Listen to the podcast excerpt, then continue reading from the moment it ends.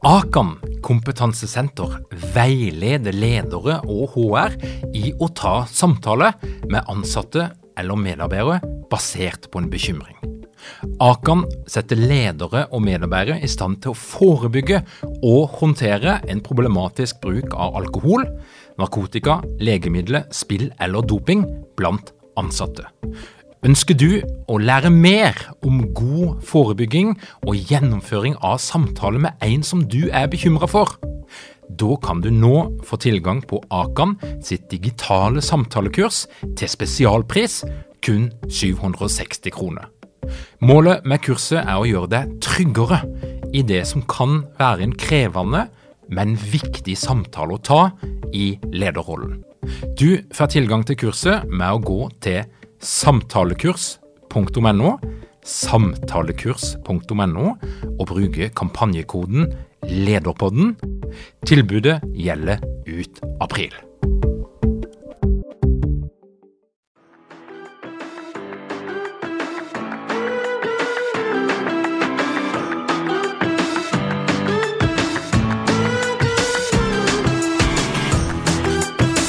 Velkommen til Lederpodden. Mitt navn er Tor Åge Eikerapen. Jeg jobber som organisasjonspsykolog, og dette her er en podkast om ledelse. Hvis du er leder og ennå ikke har hørt om psykologisk trygghet, må jeg dessverre si at du ikke har fulgt med i timen. Men selv om vi nå vet mye om hva det øverste laget av psykologisk trygghet er, er det fremdeles mye som vi ikke vet, men som vi kanskje bare antar. Og heldigvis finnes det forskere som Bård Fyn, som tar jobben med å gå i dybden og finne ut mer om hva psykologisk trygghet er og ikke er, og ikke minst hva det betyr for deg som leder. Bård er nettopp kommet hjem fra Seattle og Hamburg, og han har vært annet på prestisjefulle The Annual Meeting of the Academy of Management, der han har presentert sin rygende ferske forskning på psykologisk trygghet, som er skrevet sammen med Therese Sverdrup og Vidar Skei fra NHH. Og nå er han snart her i Lederpodden. Men først skal du få et par ord fra Ellen Holt, tidligere deltaker på lederprogrammet, som i dag jobber som leder i Sveko. Ellen, var det verdt det? Ja, det er skikkelig kult, faktisk. For den følelsen sitter jeg Det er så eh, tydelig for meg at det her angrer jeg ikke én krone på. Så jeg kjørte jo full pakke. Ambisiøs og personlighetstest og alle moduler. Og jeg har hatt så god nytte av det. Jeg jobber jo med mennesker, masse mennesker. For jeg jobber også parallelt i mange prosjekter og dealer mye med mellommenneskelige ting og tang. Så jeg har fått veldig mye av lederprogrammet i form av konkrete verktøy.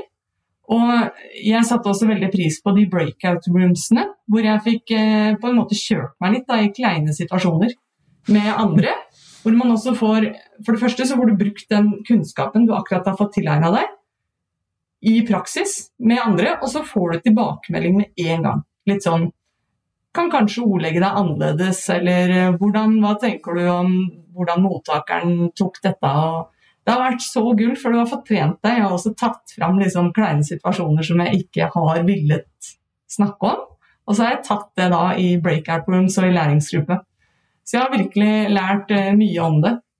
Og for min del så handla det jo også om å få en litt sånn å få en litt eh, kunnskapsgrunnvoll da, for eh, ledelsesfaget. Og jeg har fått nyvunnen respekt for at ledelse faktisk er et fag. At det er veldig mange ferdigheter som man kan lære seg. Og som vi har hørt også fram til nå, at det altså er veldig viktig å øve. Så jeg, jeg, har fått masse å øve på, og jeg får praktisert det med en gang. Det har vært så deilig. Velkommen tilbake til Lederpodden, Bård. Tusen takk, Torgeir. Veldig kjekt å være her. Du er jo en mann som er kjent for veldig mange av Lederpoddens lyttere. Du har vært med på Ledernettverket, du er en av bidragsyterne på Lederprogrammet. Men til de som ikke helt vet hvem du er, kan du gi en beskrivelse av hvordan du endte opp som Norges fremste ekspert på psykologisk trygghet? Jo, takk. Det er jo litt av en uh, tittel og intro å få, tror jeg. Jeg er beæret og ydmyk over det. Uh, jo, du, jeg, det mest avgjørende har jo vært min, min praktiske bakgrunn. Da. Jeg har vært, vært, i Forsvaret. Det ble jo en del år. 15 år, vel. og kort oppsummert der, jeg har vært en del av masse team. Og så har det liksom bygd opp en interesse, nysgjerrighet, rundt det der med å få til gode team. For jeg har vært en del av team som har vært, som funker som har vært gøy, og der vi har fått ting til og, og alt det der. Og så har jeg vært en del av team som bare ikke, ikke funker. Og der jeg sjøl har kjent at her er ikke Bård den beste versjonen av seg sjøl. Den dynamikken her har jeg vært veldig nysgjerrig på. Så, så, det bygde seg opp en del interesse rundt det gjennom liksom, operativt arbeid. Og så jobba jeg noen år som lederutvikler på Sjøkrigsskolen, og så fikk jeg anledning til å dykke mer ned i det. Og så var det da noen, eh, noen velmente sjeler som sa at Bård, her, du, må jo, du må jo eh, begynne på en doktorgrad på dette her. Det, det passer du til. Uh, og så er jeg takknemlig for de, de rådene jeg fikk, jeg fikk på veien der. Eh, så sånn begynte jeg, eh, og så havna jeg da på NHH. Begynte på en doktorgrad på det. Eh, og det her skjedde jo liksom, liksom samtidig med For da var ikke jeg bestemt på liksom psykologisk trygghet og, og, det, egentlig. Det var mer det bredere perspektivet. Hva, hva skal til for å få team til å funke? Men parallelt med det her kom jo dette såkalte Google-studiet, som, som, sikkert mange kjenner til. Altså, ja, Google lurte på hva, hva skal til for å bygge gode team, og kort fortalt, eh, de kom ut med psykologisk trygghet som nesten oppskriften. Uh, og da fatta jeg interesse for det, og så kjente jeg at ja, der er vel kanskje noe av det var kanskje noe av det jeg har kjent på. Det var kanskje noe av det som kunne forklare at, at Bård eh, var en, en, god versjon her og en litt mindre god versjon her, og, og at vi fikk dette teamet til å, å, å, fungere godt, og dette teamet til å ikke fungere så godt. Så, så der, eh, der, begynte i hvert fall reisa. Og så uh, har det jo balla på seg siden det, kanskje. Yes. Og så er det jo forskningsmessig et sånn relativt nytt felt. Altså, eh, Amy Edmundsen er, er kjent for mange, men, men, det er fremdeles ganske mye vi ikke vet om psykologisk trygghet. Er det riktig? Ja, det tenker jeg absolutt. Uh, og det, for det kan jo virke litt sånn rart sant? at vi nå i 2022 liksom, psykologisk trygghet eh, det, det, høres ut som et veldig grunnleggende behov i oss. Jeg Har ikke opp igjennom mange hundre år eller tusen år med forskning eller hvor lenge man har holdt på, funnet ut mer? Um, men, men, nå er det i hvert fall satt inn i en sånn, sånn ramme av dette med, med teamarbeid som, som, ja, er forholdsvis nytt. Ei Edmundsen, som, som har forska mest på dette her, hun begynte med dette rundt 90-tallet. Og, og, så har vi noen kilder litt sånn, sånn ja, tilbake til 60-tallet, kanskje de, de, eldste har kommet over. Um, men, men, det er jo parallelt med den økende interessen blant praktikere at også forskningsfeltet har blitt litt sånn pusha i det. Så, så, for min del var det også en grei tid å, å komme inn og, og, og, dykke ned i det. Og, um, og helt konkret til, det som da trigga mye av min, min, interesse også, var jo eh, jeg lurte på hva, hva skal til. Sant? Så Jeg snakka med en tidligere kollega da, fra, fra Sjøkrigsskolen, som vi hadde jobba som lederutvikler. Og så sa jeg hva, hva tenker du skal til for å bygge trygghet eh, i team? Eh, tid, sa han. Ja, det, var, ja, det er jo ikke uenig i. Det høres fornuftig ut. Og så gikk vi da til litteraturen. da, Nå er vi tilbake sånn i 2017-2018. Eh, og så sa at det var ingen studie på psykologisk trygghet som snakka om tid. Og der begynte litt sånn min, for det har vært litt, litt, litt min linn, kall det baby, da. Eh, Hvordan utvikles den tryggheten over tid? Så det er jo et eksempel på, på, ting vi kanskje ikke vet, eller som vi ikke vet nok om, da. Og der har jeg hatt eh, gleden av å kunne bidra til fagfeltet. Og Hvis vi skal spisse det inn da, på det som du og dine kollegaer har prøvd å finne ut av, som nå er publisert, og hva den problemstillinga, eller de problemstillingene som dere endte opp med å, å prøve å dykke inn i? Ja, jeg har jobba litt parallelt med, med, flere. Akkurat den artikkelen som, som, er publisert nylig i, i Human Resource Management Review, den, det er det kom jo som et altså Arbeidet eh, der kom som et resultat av den her mangelen på eh, ja, litteratur, egentlig, da, å støtte på. For jeg, jeg, ønsker jo å studere dette over tid, så jeg har fulgt team over tid for å bli klokere på det. Men jeg må jo ha noe teoretisk grunnlag å bygge på.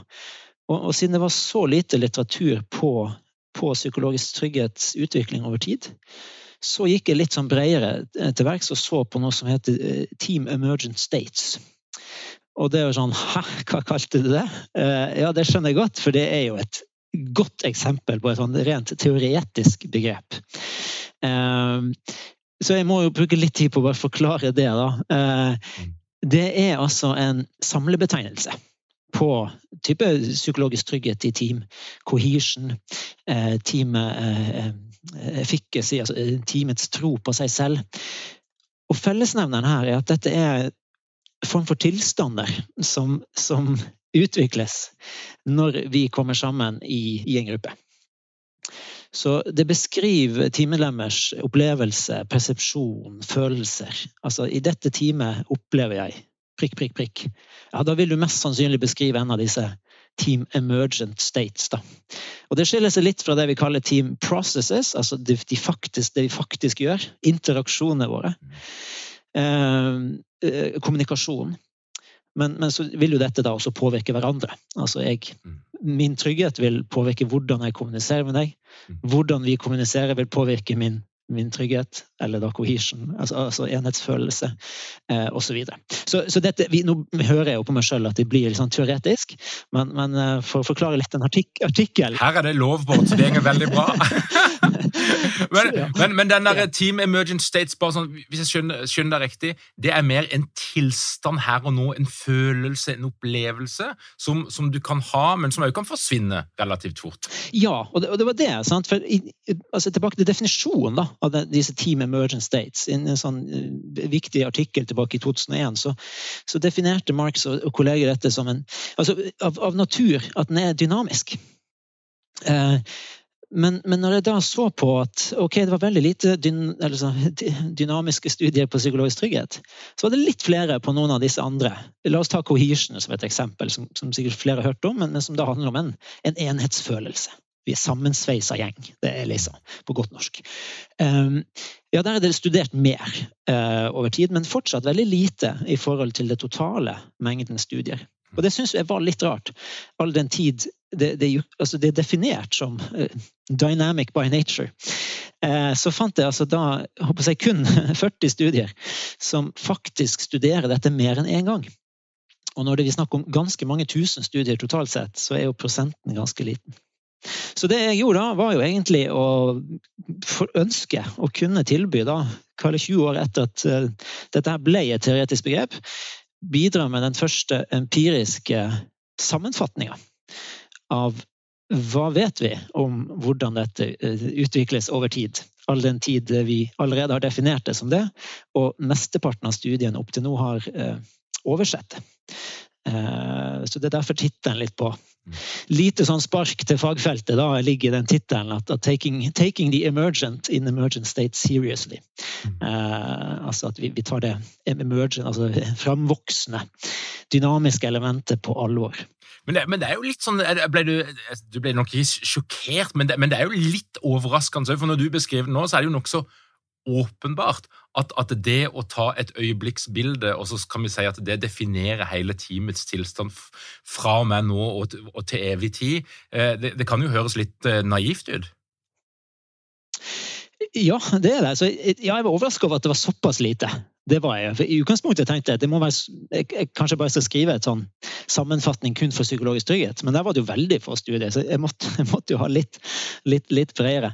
Um, så tenker jeg, det er jo ikke, jeg er jo ikke så uh, freidig og ufin at jeg, jeg, jeg, jeg, gjør jo på ingen måte narr av alle disse kalde øyeblikksbildestudiene, for de har jo lært oss masse.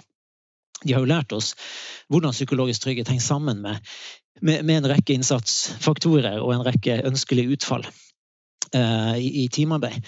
Sånn at, at, ingen av disse studiene hevder jo på en måte nødvendigvis at dette er statisk. Men men jo mer vi bare blir vant med å, å designe våre studier som et øyeblikksbilde, så er jo litt mitt budskap at vi, vi, får ikke fram helheten. Vi får ikke fram det hele bildet. Eh, og, og, det var det også noe jeg ønsker å få fram i den artikkelen. At, at, at, gjennom arbeidet med, med Vidar og Therese at vi, vi, vi ser hvor det, dette har jo noe å si. Sant? Ikke bare er den dynamisk over tid, men, men det, har, det har betydning tidlig, tidlig eh, tro på seg selv i gruppa kan være noe annet enn en litt senere tro. Fordi den kan bygge på litt forskjellig grunnlag. Sånn at, at for å fortsette kunne ta litt sånn øyeblikksstudier, eh, som, som, vi jo gjør fordi det er veldig mye lettere å få gjort det, Det krever mye, sånn som jeg har holdt på å følge team over lang, lang tid. Det, alle kan ikke holde på sånn. Eh, men, men, med denne kunnskapen så kan vi også kanskje designe studier som er mer målretta. Og hvis vi går inn og ser på hva er det, hva er det dere har funnet ut, da? Dere har jo konkludert litt og trukket ut noen, eh, noen, meningsfulle konklusjoner her. Hva, hva ser dere? Ja, det, det, er jo litt eh, jeg, jeg skrev jo en jeg skrev et blogginnlegg for, noen, for noen, flere år siden. Det kanskje tre-fire år siden. Jeg skrev liksom, 'Psykologisk trygghet er ferskvare'. Eh, og det, det, slo jo eh, det, ja, slo, slo, jo an. og hørte at blir referert til i mange anledninger. Og, og, på sett og vis er det jo dette Bloggerne er litt kjappere ute enn forskerne. sant? Så, så for, ikke for å skuffe folk, men, men det er jo litt, litt, av det samme budskapet som ligger her. i at okay, Det var ikke bare psykologisk trygghet som var ferskvare. Det, var, det, det kan også handle om, om uh, team tillit, uh, cohesion. Disse begrepene er, er dynamiske over tid. Altså de, de, det er ikke sånn at uh, jo mer vi er sammen, jo, jo gladere blir vi, eller tryggere eller mer sammensveisa. Det kan også falle. Sånn at det, det, dynamiske elementet der er vi nå sånn sett de første til å gi et eh, empirisk grunnlag for å, for å hevde. Sånn at, at, eh, Jeg skal ikke si at det sånn sett blir en større sensasjon enn, enn noe jeg sikkert mange allerede har hørt meg kommunisere da, eh, for psykologisk trygghets del, Men at det også gjelder, gjelder ja, flere da, av disse tilstandene i teamet. Mm. Og Det er jo litt, kanskje litt skuffende for noen, for noen har jo tenkt at nå har vi planlagt at vi skal være sammen den helga der med hele gjengen, vi skal bygge laget, og så kommer vi ut derifra, og så er vi akkurat på det nivået vi ønsker å være når det gjelder psykologisk trygghet, og så er det bare å jobbe på. Mens, mens eh, det du sier noe om, det er jo at dette her er en kontinuerlig prosess. Du kan aldri ta det for gitt. Det er reparering, det er eh, tiltak. Altså, det er eh, noe som du aldri blir helt ferdig med. Dessverre, ja. Så nå er jeg litt, eh, litt pain in the ass og kommer med dårlig nytt her. På ene måten, men på andre måten òg så er det jo Det gode nyheten er at er, da er det påvirkbart. Så ja, jeg, jeg oppfordrer til en ansvarliggjøring og en bevisstgjøring. Da. Fordi dette er et ja, om det, om det, er et valg vi tar, har jeg kanskje også sagt en anledning, men det er i hvert fall noe som, som kommer av et resultat av de av, av, altså av, av, det at vi møtes på jobb, av, hvordan vi snakker sammen, hvordan vi, vi samhandler så, så, kommer dette her som et, som et resultat, og det er, eh, det er, levende, det er dynamisk. Sånn at ja, vi tar gjerne på den samlinga der på det hyggelige hotellet og, og, alt det gøy vi skal gjøre der. Det kan hjelpe masse. Men det betyr ikke at den opprettholder seg av seg sjøl. Så, så, alt vi, vi, må bare fortsette å jobbe med det. Så det er vel både en, en, en god og en dårlig nyhet, kanskje. Mm. Mm. Så det betyr at du kan gjøre alle de rette tingene, du kan personlighetsteste og snakke om ulike, du, heter, du kan få fram sårbarheter, du kan lage en teamkontrakt. Du kan gjøre alt dette her grunnleggende, som jeg vet at de flinke forskerkollegaene dine ønsker at vi skal gjøre. Men det må jo òg være en, en, type atferd som eh, i det lange løp kan legge til rette for psykologisk trygghet, eller, eller er det altså, Hva er verktøyene? Hva kan vi mm, gjøre? Mm, mm. Ja, det, dette er jo også ting Jeg jobber med flere, flere artikler parallelt, og en annen artikkel jeg jobber med nå, er jo jeg tilknytter akkurat det. Altså våre the, the team practices. altså våre hva gjør faktisk teamet da, teamene som, som da jeg har fulgt? Hva, hva, skiller de teamene som har bygd dette på en sunn og tydeligvis robust måte over tid, kontra de som ikke har gjort det? Der, der tryggheten kanskje har sunket mm. over den perioden som jeg har fulgt i. Og, og, eh, så, så nå, nå kommer jo det i en, en, litt sånn eh, senere artikkel, og, og dette er også noe sikkert folk har hørt meg, hørt meg snakke mer om, eh, eller tilsvarende om, men, men, men jeg vektlegger denne, denne relasjonsbygginga.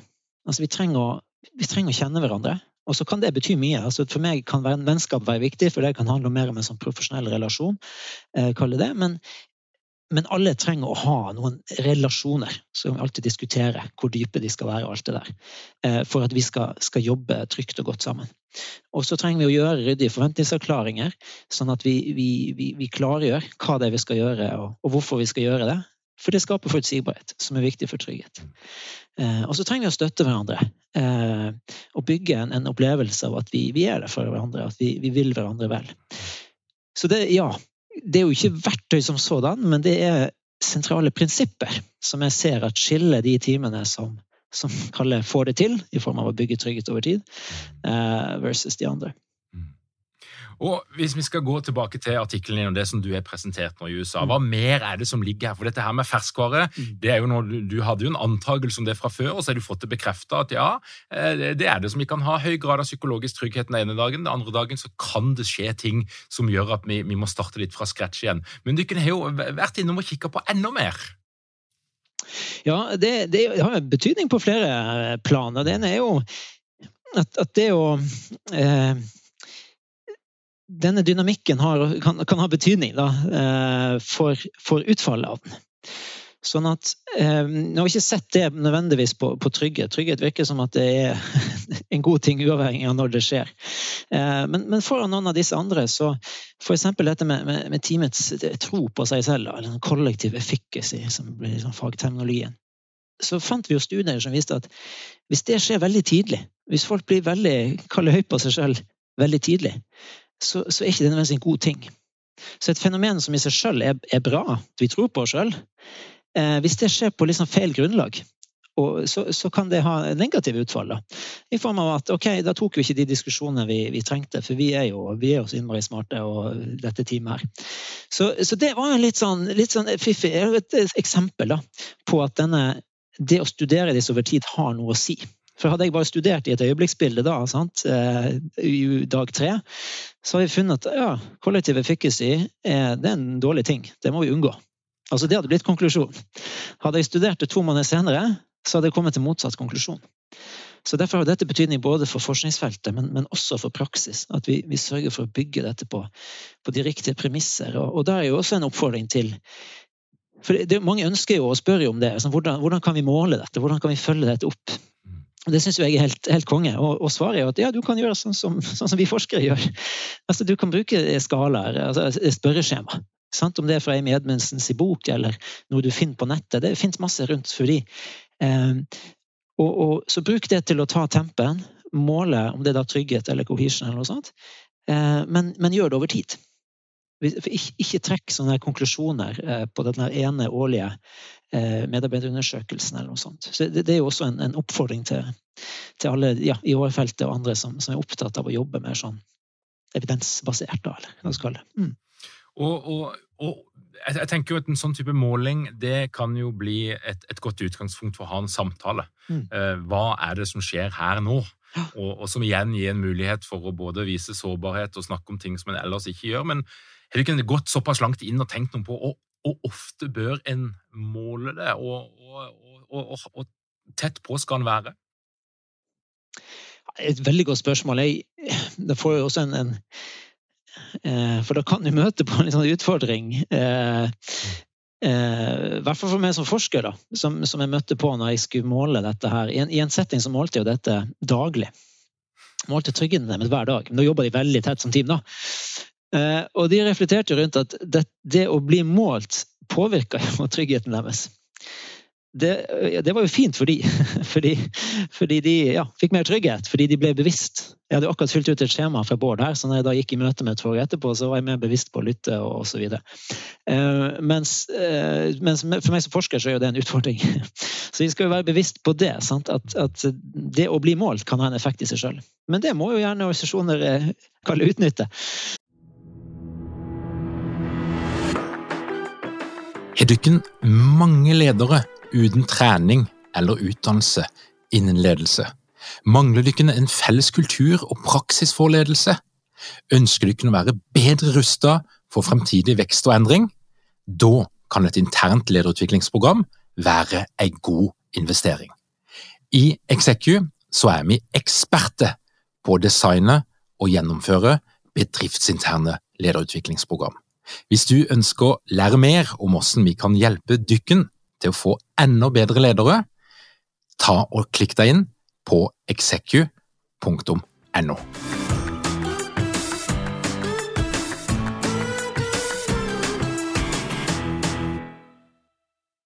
Så, så eh, vær bevisst på men, men også da kalle vær, vær, litt bevisst på hvilke konklusjoner du trekker. da. For det, det, kan jo nesten bygges opp en sånn der Ja, nå følte jeg trygghet, men, men det var jo bare fordi den HR-ansvarlige hadde bedt oss om å fokusere på det i dette møtet. Mm. Er det, er det ekte? Mm. Så, så, det er i hvert fall bare et perspektiv å ta inn i det. Hvor ofte Jeg vil jeg tenker svaret vil avhenge av hvor tett de jobber som team. For noen møtes jo bare en gang i måneden, kanskje. Eh, da, da vil det være unaturlig å måle hyppig. Mens andre sitter jo oppå hverandre dag ut og dag inn. Eh, og da, ja, kanskje du tar tempen en gang i uka, da, eller eh, Ja, syns jeg litt, men, men, det er i hvert fall en, en, basert på de erfaringene vi har gjort oss, da. Endelig er vi klare. Påmeldinga til høstens utgave av lederprogrammet er nå åpna. Vi snakker om tolv uker, to fysiske samlinger, seks digitale ekspertmoduler og læringsgruppe der du møter andre ledere. Du blir inspirert, du får oppdatert kunnskap, praktiske verktøy og innsikt som forandrer. Lederprogrammet er for deg som vil være best mulig rusta til å møte og skape endring, som tør eksperimentere med ny atferd og nye metoder. Du kan melde deg på i dag på lederprogrammet.no.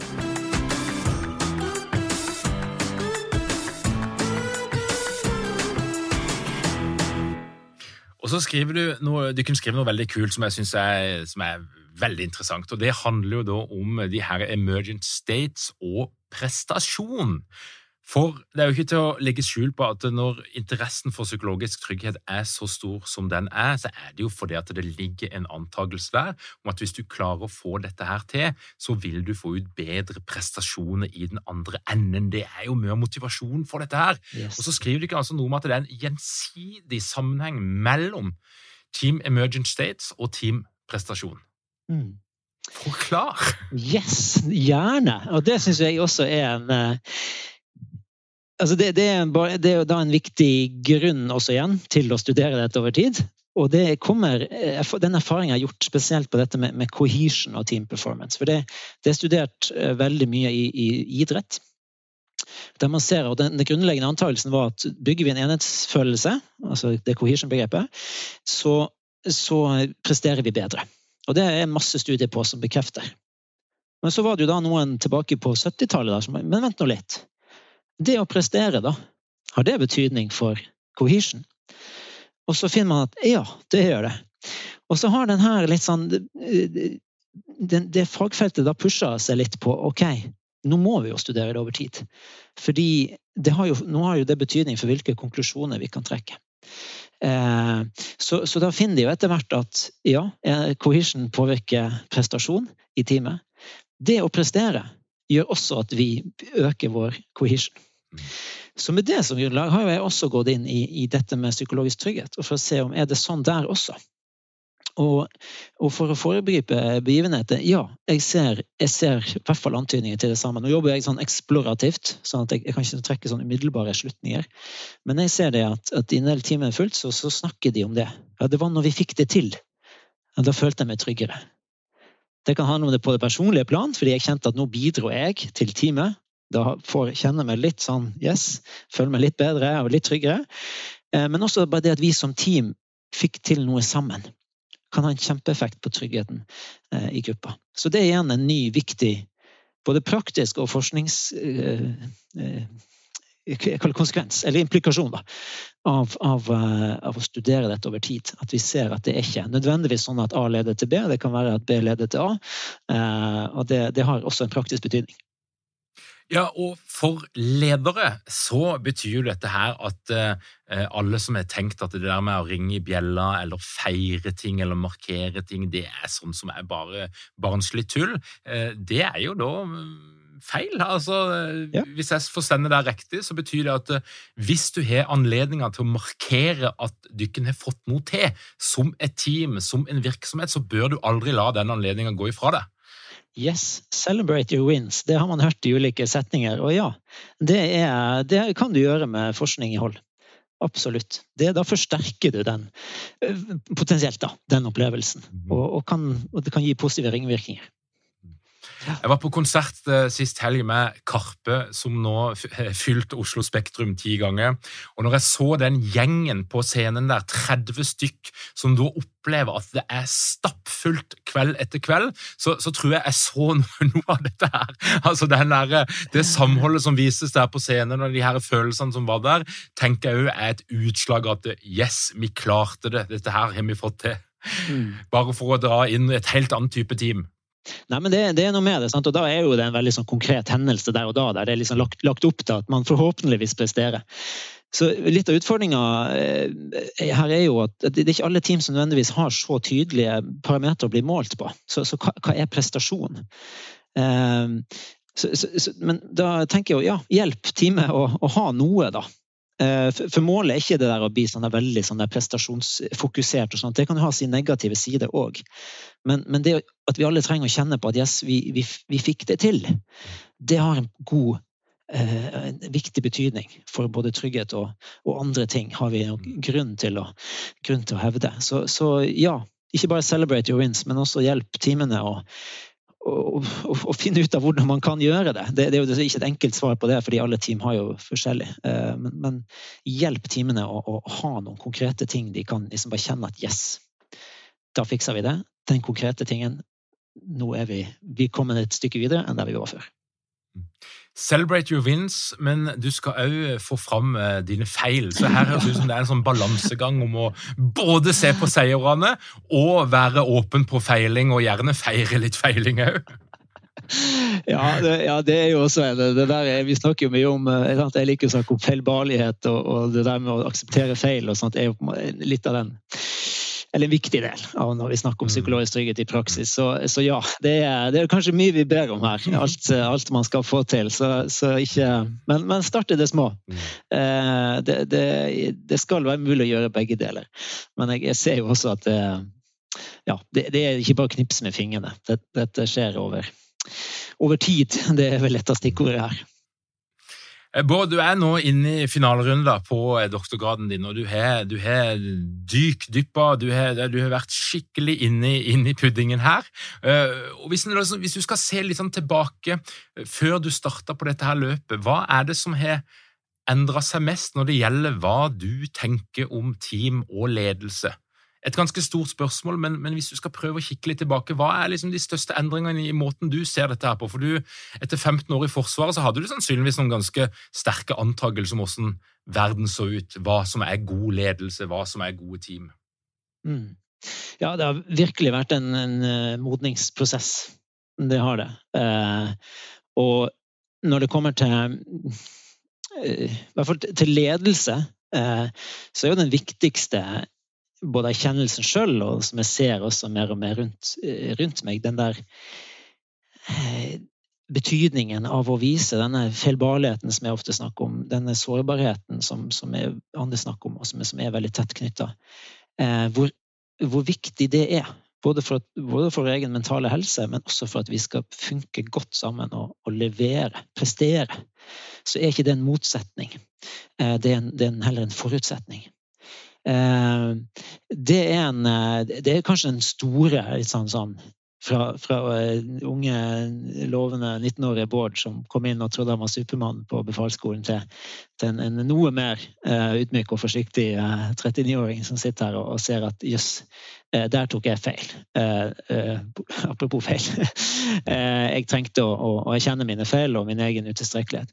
Og, og jeg tenker ledere som, som evner å gjøre det, stå i det, de, de kommuniserer og bygger en annen sånn trygg atmosfære rundt seg. Eh, eh, kontra det, det motsatte. Eh, så dette, dette ser jeg som sagt både på min eget liv og utvikling, og, og de teamene som jeg har fulgt. Teamledere som, som har en mer sånn, sånn ja, ydmyk tilnærming eh, til at, og lyttende og, og erkjenner sjøl at det her vet jeg ikke, kan du hjelpe meg? Har kjempegod effekt. Samtidig som vi trenger denne ryddigheten og tydeligheten. Og det er kanskje den andre eh, som, som, er For vi snakker jo mye om sant? vi skal jobbe autonomt, eh, og alle skal ha sitt å si. Og, og mye sånn, ja, aspekter rundt dette med å jobbe sånn, med tillitsbasert ledelse som, som, vi skal heie på, for det har masse positive effekter ved seg. men det ser jeg også både på, på ledelsesnivå, men også på teamnivå.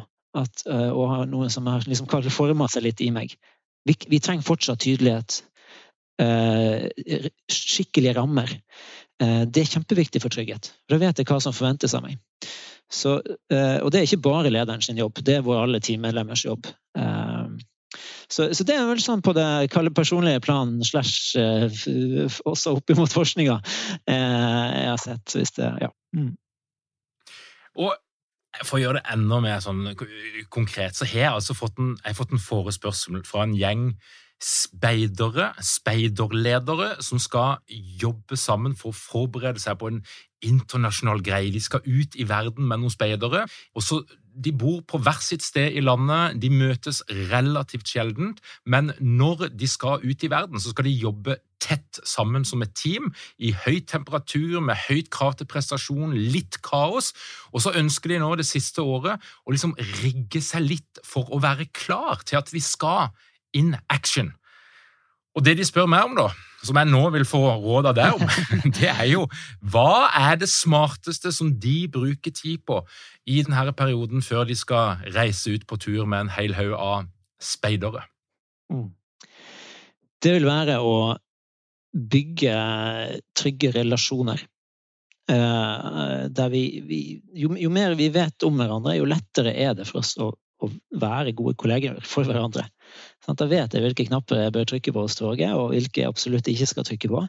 Og, og så vi kan spille, spille hverandre god eh, på den måten der. Og det er jo en floskel, ja, men det er jo, det er jo blitt en floskel fordi det er viktig. Eh, igjen den, den relasjonsbiten der.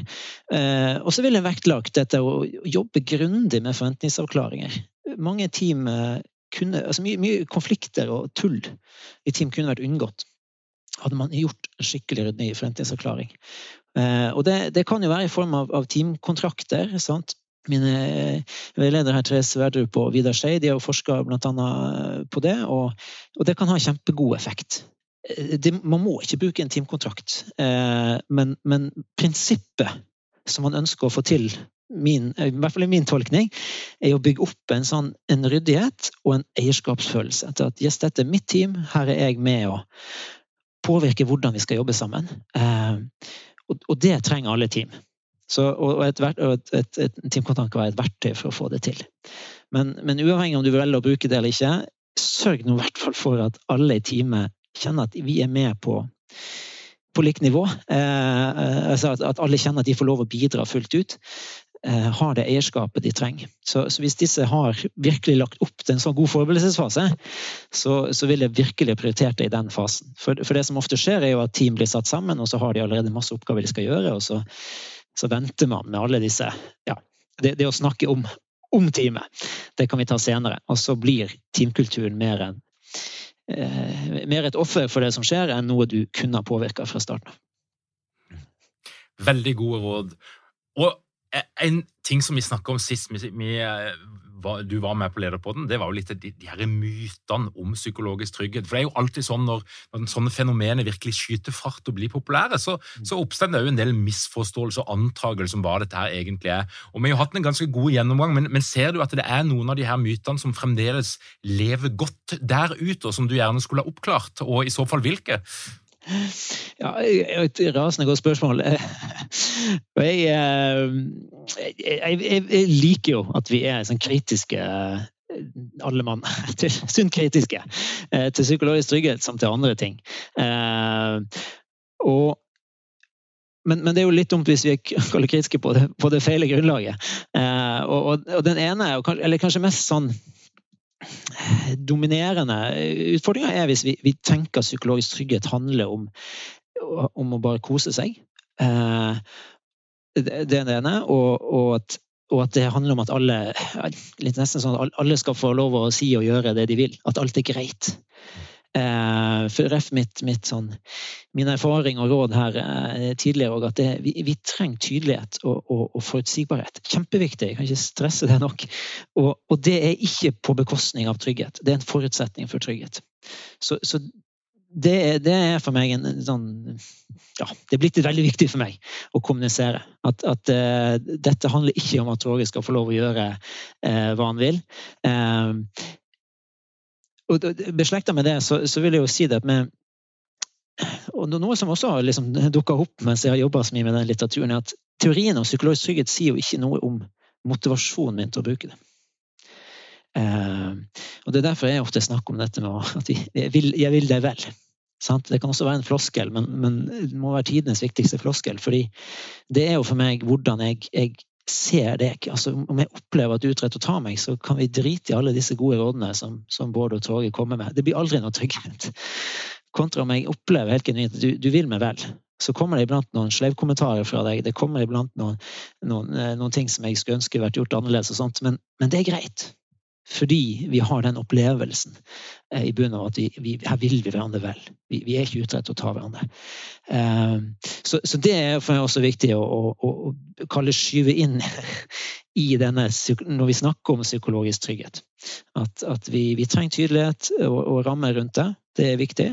Eh, og vi trenger også en, en, en avklaring, en, et fokus på at vi skal bruke dette til det konstruktive.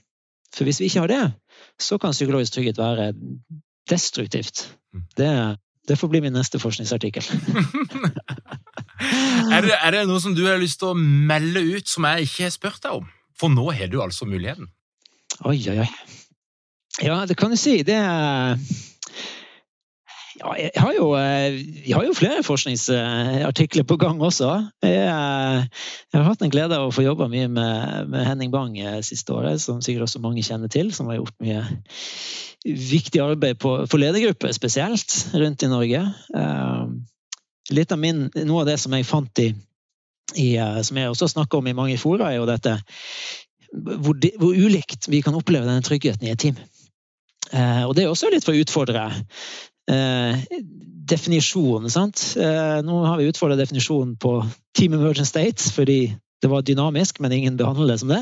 Eh, ja, og, og definisjonen av psykologisk trygghet It's a shared belief, sier eh, i henhold til definisjonen fra Amy Ebbinson.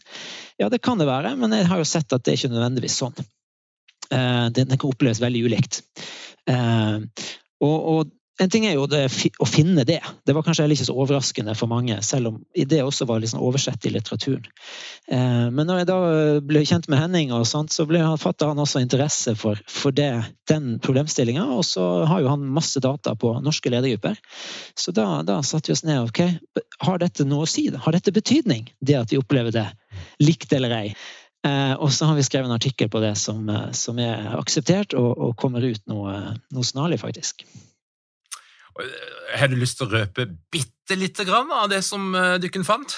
Ja, det, det, det, må vi kunne gjøre. Jeg har jo snakka om dette på forskningskonferanser òg, så det er, jo, det, er, det er, jo ikke sånn It's out there. Så da tar vi, da tar vi norgespremiere hos deg her, eh, tror jeg. Eh, du, det, vi, det vi ser at det er jeg håper jeg, kanskje lite overraskende, det, Eh, nivået av trygghet, altså vår, gjennomsnittet av vår trygghet, det, det, vil alltid være viktig. Det, det, har noe å si om, om jeg og du generelt har et, et høyt nivå. Sant? Om det da slår ut på en skala på seks eller fire, liksom, det, det, har noe å si. Så det er nivået av trygghet.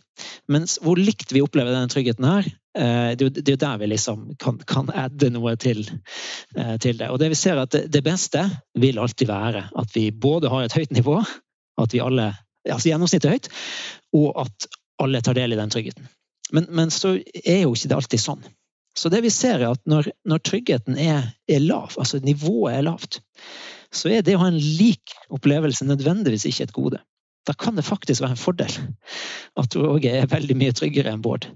Fordi da sørger vi i hvert fall for at, at, uh, at teamet får prestert til et uh, visst nivå. Uh, og jeg tenker at en, en praktisk betydning av det er jo også at du ja, du, du, kan jo bruke din eh, større trygghet, altså din trygghet som er mye større enn min, til, til å bare fremme deg sjøl. Men det kan jo også smitte over på meg. Jeg kan jo også se at her er det jo faktisk lov å, å si noe som ikke var så gjennomtenkt. Gjøre en feil osv. Så, videre. så ja, vi skal jobbe med teamets trygghet, men vi skal også jobbe med individets trygghet i teamet for å løfte, løfte det. Vi må gjøre begge deler. Og da begynner jeg å tenke at er ikke det en litt sånn en, en eh, ganske normal reaksjon at jeg har iallfall sett i mange ledergrupper og team at hvis jeg føler meg trygg, så har jeg en sånn automatisk antakelse om at alle andre gjør det òg. Mm. Veldig enkelt og ofte veldig feil, men, men det er nokså menneskelig og nokså vanlig. Det, ja, det, og det tenker jeg. Og, og, så det er jo også noe vi bare vil, vil utfordre oss alle på, å være bevisst. da. Eh, og I praksis handler det jo om altså det, det, kan være ulike grunner til at jeg snakker mye og du snakker lite. Men, men, men en av grunnene kan også være graden av trygghet. Sånn at å være obs på det, om du er teamleder eller ei, være obs på at, at, alle i teamet bidrar sånn som de eh, altså føle seg frie til å bidra. For det er det vi snakker om. sant? Det er helt greit det at noen ikke snakker på inn- og utpust. Vi kan ikke gjøre alle det. Eh, men, men, hvis grunnen til at du ikke snakker er manglende trygghet, så er det noe vi trenger å jobbe med. For det, det, da er vi inne i en negativ eh, loop. Så, så, så noen av de praktiske betydningene er jo å være obs på det og fokusere på det. Ta vedkommende til side hvis du opplever at vedkommende i de siste møtene har vært mye stillere enn ellers. Er det noe jeg kan gjøre for å, for å hjelpe deg å komme på banen, f.eks.? Da er vi en god, trygg støttespiller eh, for hverandre. Tusen hjertelig takk, Bård. Jeg må bare ønske deg masse lykke til. Nå er du inne i, virkelig i finaleheatet. I løpet av denne høsten så skal du levere din doktorgradsavhandling og, og komme deg over til neste etappe. Lykke til! Tusen takk, Roger. Veldig kjekt å bli heia på. Det setter jeg veldig pris på. Det blir spennende, dette her.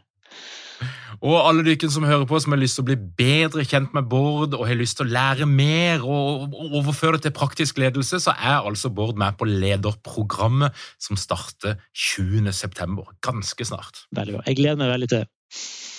Ja, Det blir bra. Og Bård har jo en blogg. Den bør dere sjekke ut. Gruppetenkerne.com. Yes. Tusen takk, Bård.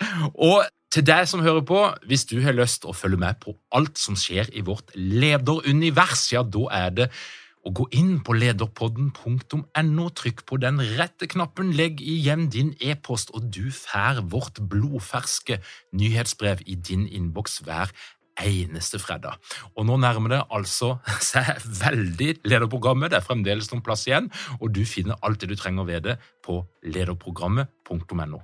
Takk for at du hører på Lederpodden. Vi høres igjen om ei uke.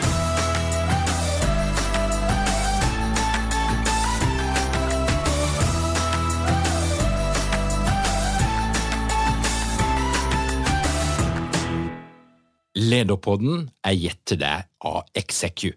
Vi tilbyr leder- og ledergruppeutvikling som gir effekt. Les mer på execu.no.